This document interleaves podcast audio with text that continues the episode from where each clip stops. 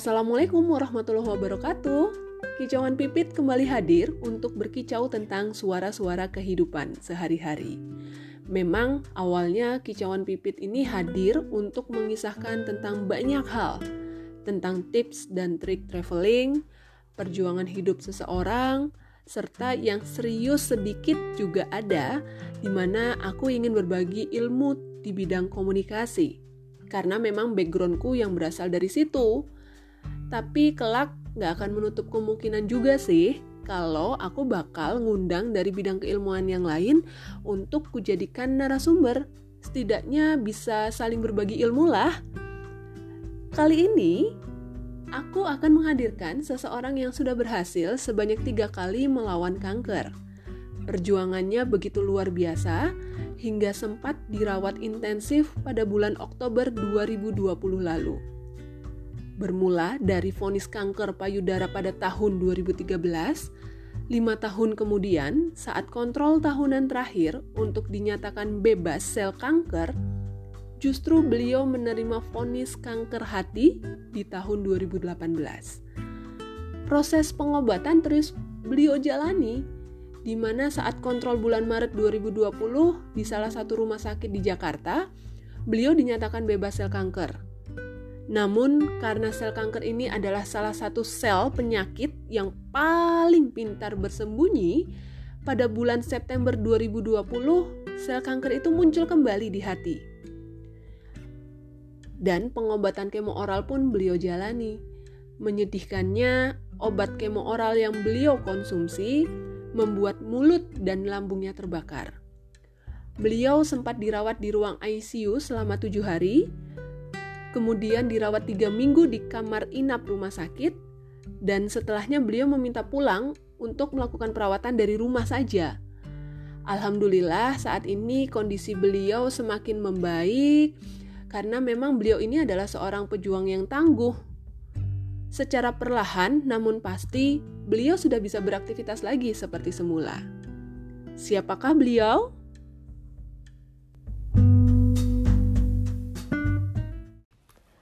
Baik, uh, untuk tidak mengurangi waktu, mari kita sambut narasumber kita pada episode kali ini, Ibu Sirikit Syah. Halo Ibu, apa kabar? Alhamdulillah, kabar baik, sehat. Semoga sama ya Mbak Tutu juga sehat. Alhamdulillah, senang rasanya mendengar Ibu sudah bisa beraktivitas lagi hari ini meskipun ya tetap masih di rumah ya Bu belum belum bisa seperti dulu belum bisa bebas iya. main-main keluar sudah bisa Betul. ngapain apa aja Bu sekarang Uh, yang terakhir ini sudah bisa masak di dapur. Uh. Kemudian naik turun tangga udah lancar nggak pakai pegangan. Tidak pegangan lagi. Dulu melangkah aja bermenit satu langkah dua langkah terus harus dituntun. Sekarang sudah jalan lancar. Bicara juga lancar.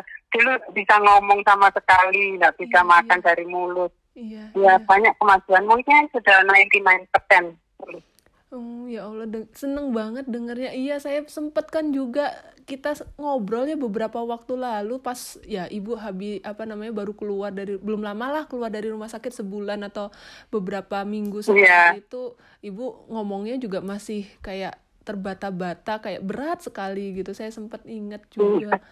Tapi alhamdulillah yeah. sekarang ibu juga sudah bisa masak. Berarti saya bisa dong bu makan masakannya ibu. silakan ayo datang ke rumah oseng-oseng sayur aja boleh bu nanti kapan-kapan saya agendakan ya bu ya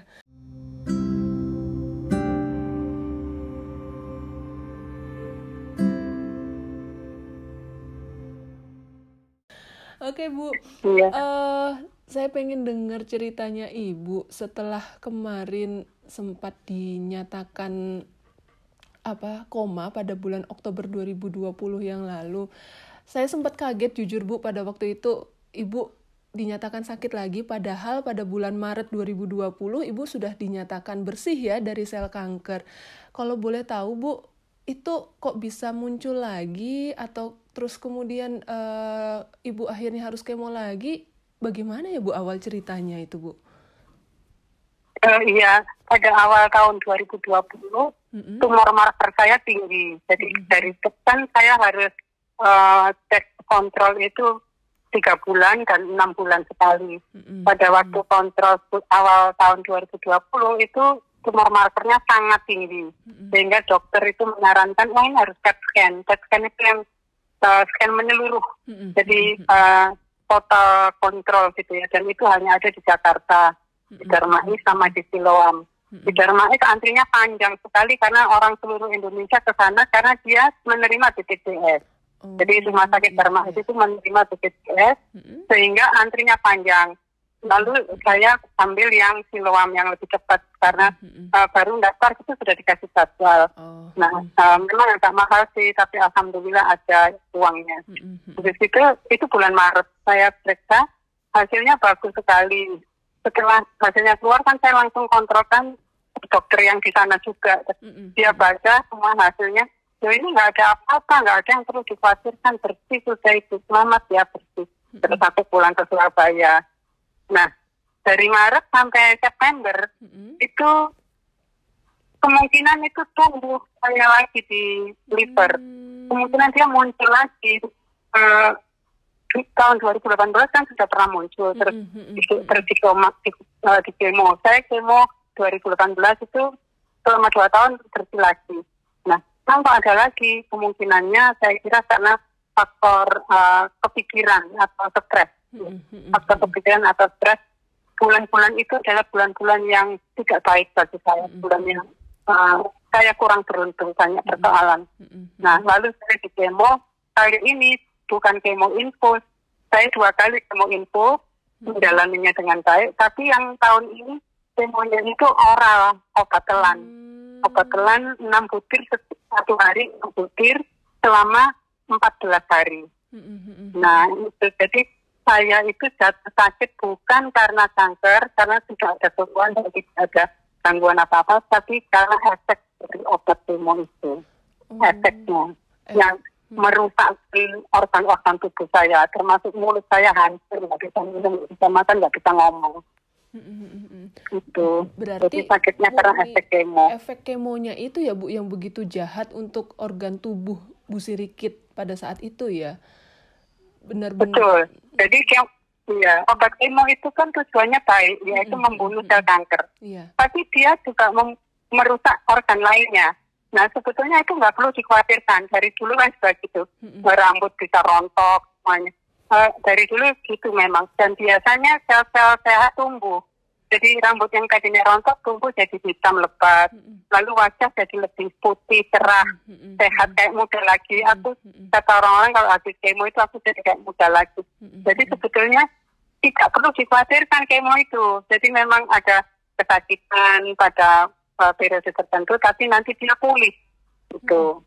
Ini pun aku optimis nanti aku pulih. Tapi pada waktunya itu itu sangat uh, menghancurkan waktu itu mm. bulan Oktober November itu. Itu terasa juga ya bu di di anggota tubuhnya ibu itu kerasa sakit. Sakitnya itu terasa? sakit semua. Hmm. iya sakit semua itu bukan karena sakit kankernya menyakitkan karena kemonya itu. ya.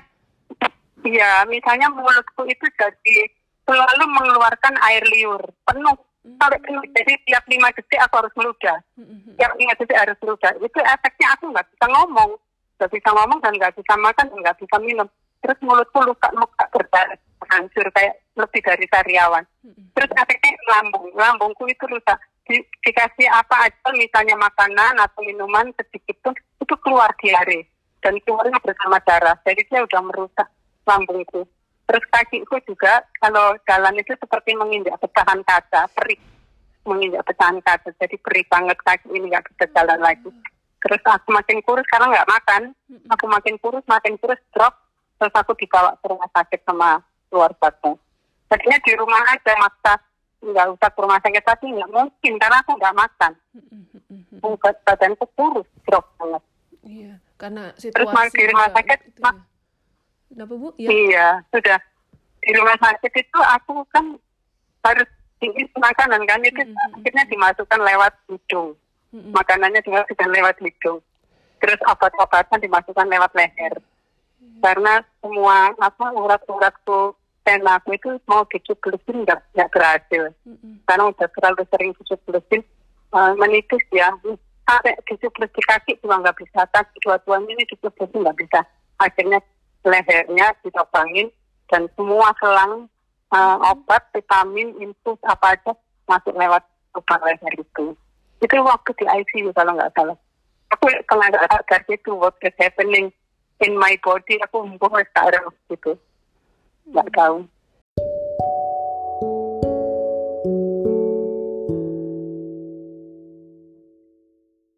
Total berapa hari itu Bu di, di dirawat di ICU?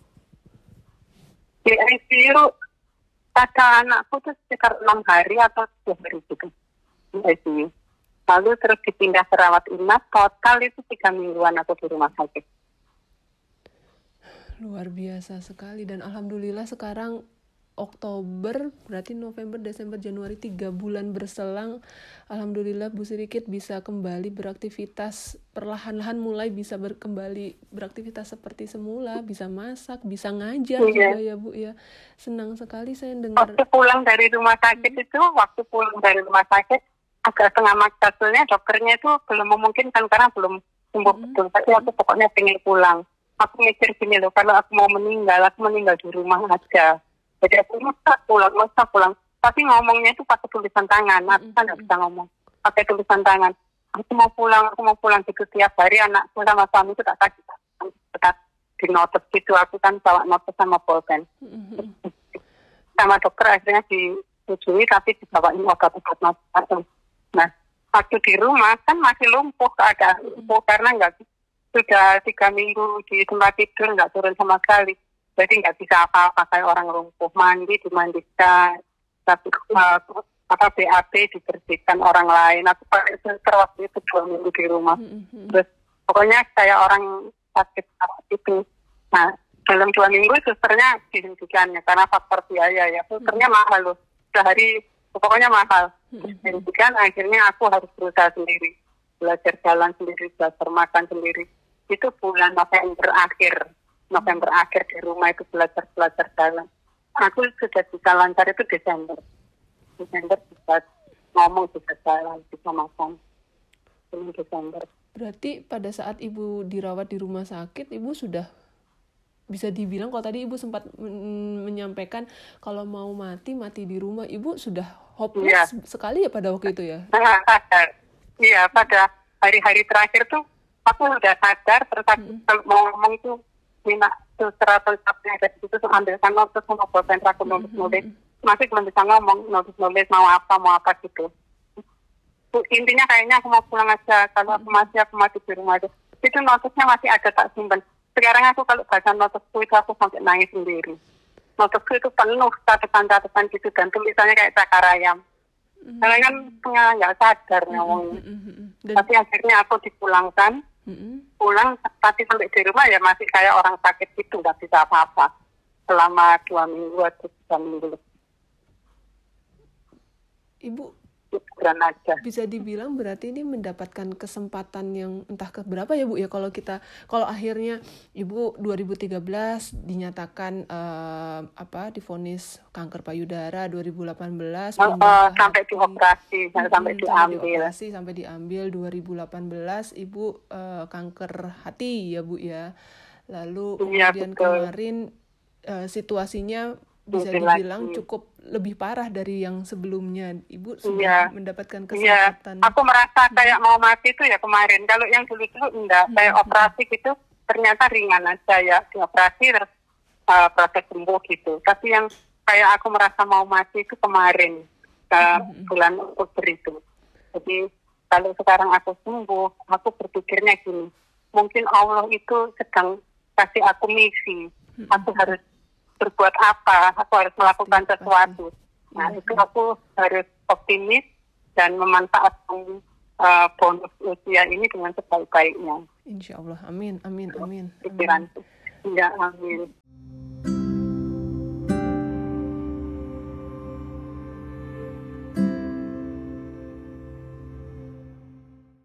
Ibu percaya dengan keajaiban ya Bu ya berarti Bu? Bisa percaya percaya iya. atau tidak Bu kalau kalau situasinya seperti ajaib ini memang. Betul ini betul ajaib. Aku nggak ngira Bu bisa sembuh kayak gini. Nggak ngira waktu kita tergeletak di rumah sakit dan di rumah dua minggu nggak bisa apa-apa. Juga aku nggak ngira akan sembuh seperti ini.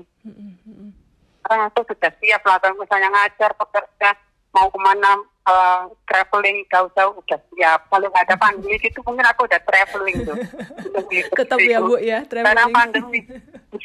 Iya karena ada pandemi ya aku sabar aja di rumah. Tetap ya bu rencana mau ke Amerika ke mana lagi ya bu kemarin ya. bu cerita. Jauh sebelum ya, jauh sebelum pandemi. iya. Terus uh, kalau boleh ini ini menjadi salah satu poin yang saya harapkan ibu bisa berbagi pada uh, teman-teman di luar sana sebagai seorang survivor kanker dengan pengalaman apa apa yang sudah ibu ibu alami selama ini selama kurang lebih tujuh tahun terakhir.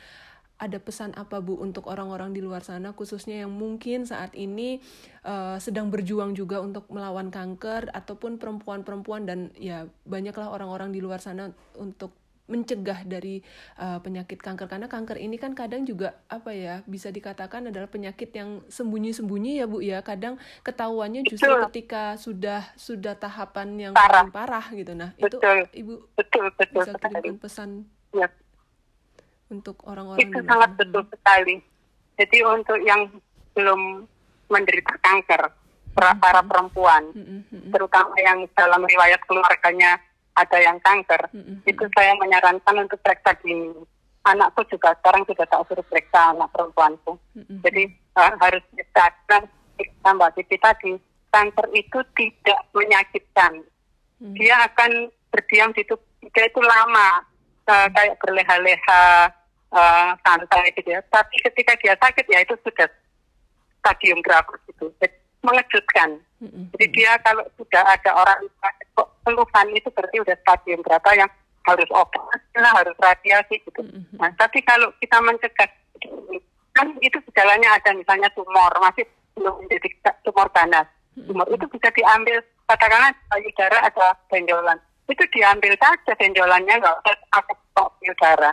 Jadi dan itu lebih ringan. Jadi saya menyarankan bagi yang belum itu uh, periksa dini. Bagi yang sedang mengalaminya, uh, saran saya tetap optimis, uh, tetap gembira, kumpul, dan percaya bahwa setiap orang kok akan meninggal. Apakah kamu meninggal kanker atau meninggal lainnya, seperti pesawat Sriwijaya itu kita tidak tahu tahu. Ya. Jadi uh, tetap optimis mengisi hari-hari itu dengan baik-baiknya dan kita percayalah sama dokter sama obat-obatan yang modern ini ditambah apa ya uh, ramuan herbal tradisional itu. Aku minum itu. Ada air rebusan bajaka, uh, teh daun kelor, mm-hmm. daun salam, daun sirkat itu semua tak telateni dan gantian minum. Jadi uh, tetap semangat, tetap optimis.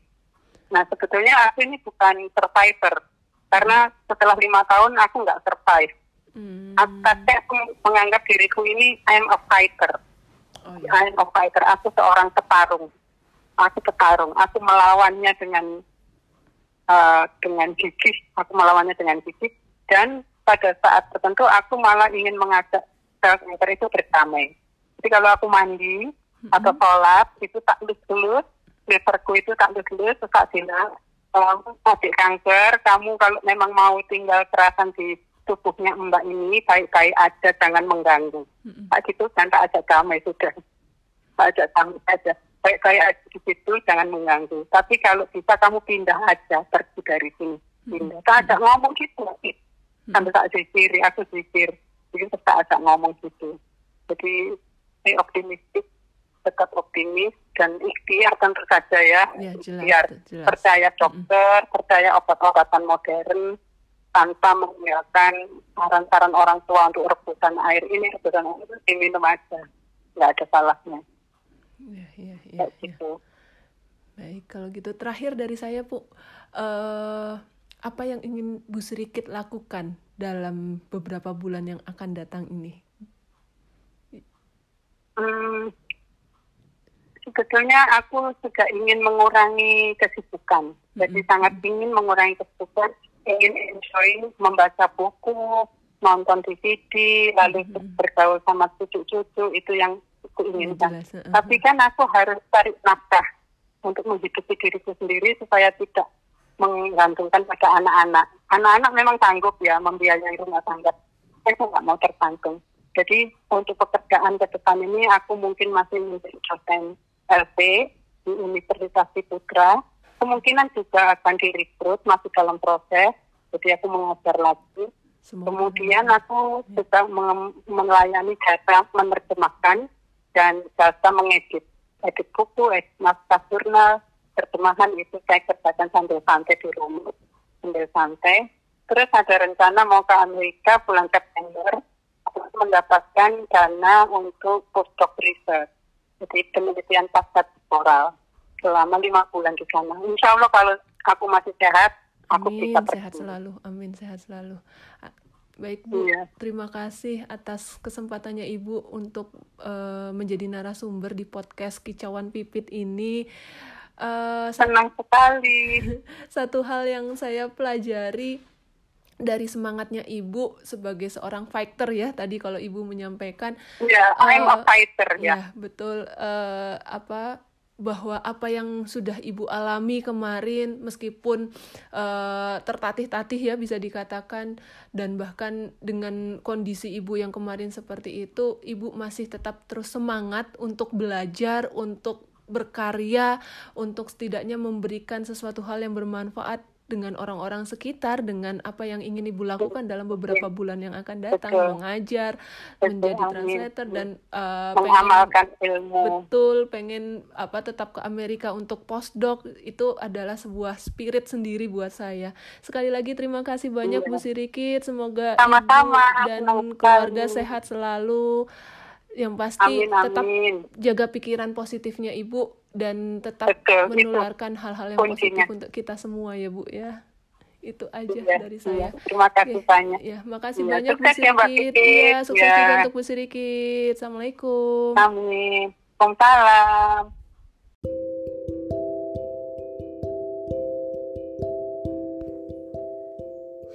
Terima kasih yang sudah mendengarkan kicauan pipit kali ini.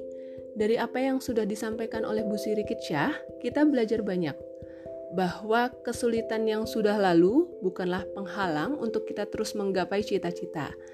Saya ingat sekali beberapa tahun yang lalu beliau ini sempat bercerita di mana pasca beliau lulus dari S3, beliau ini ingin sekali segera menjalani yang namanya program postdoc di Amerika.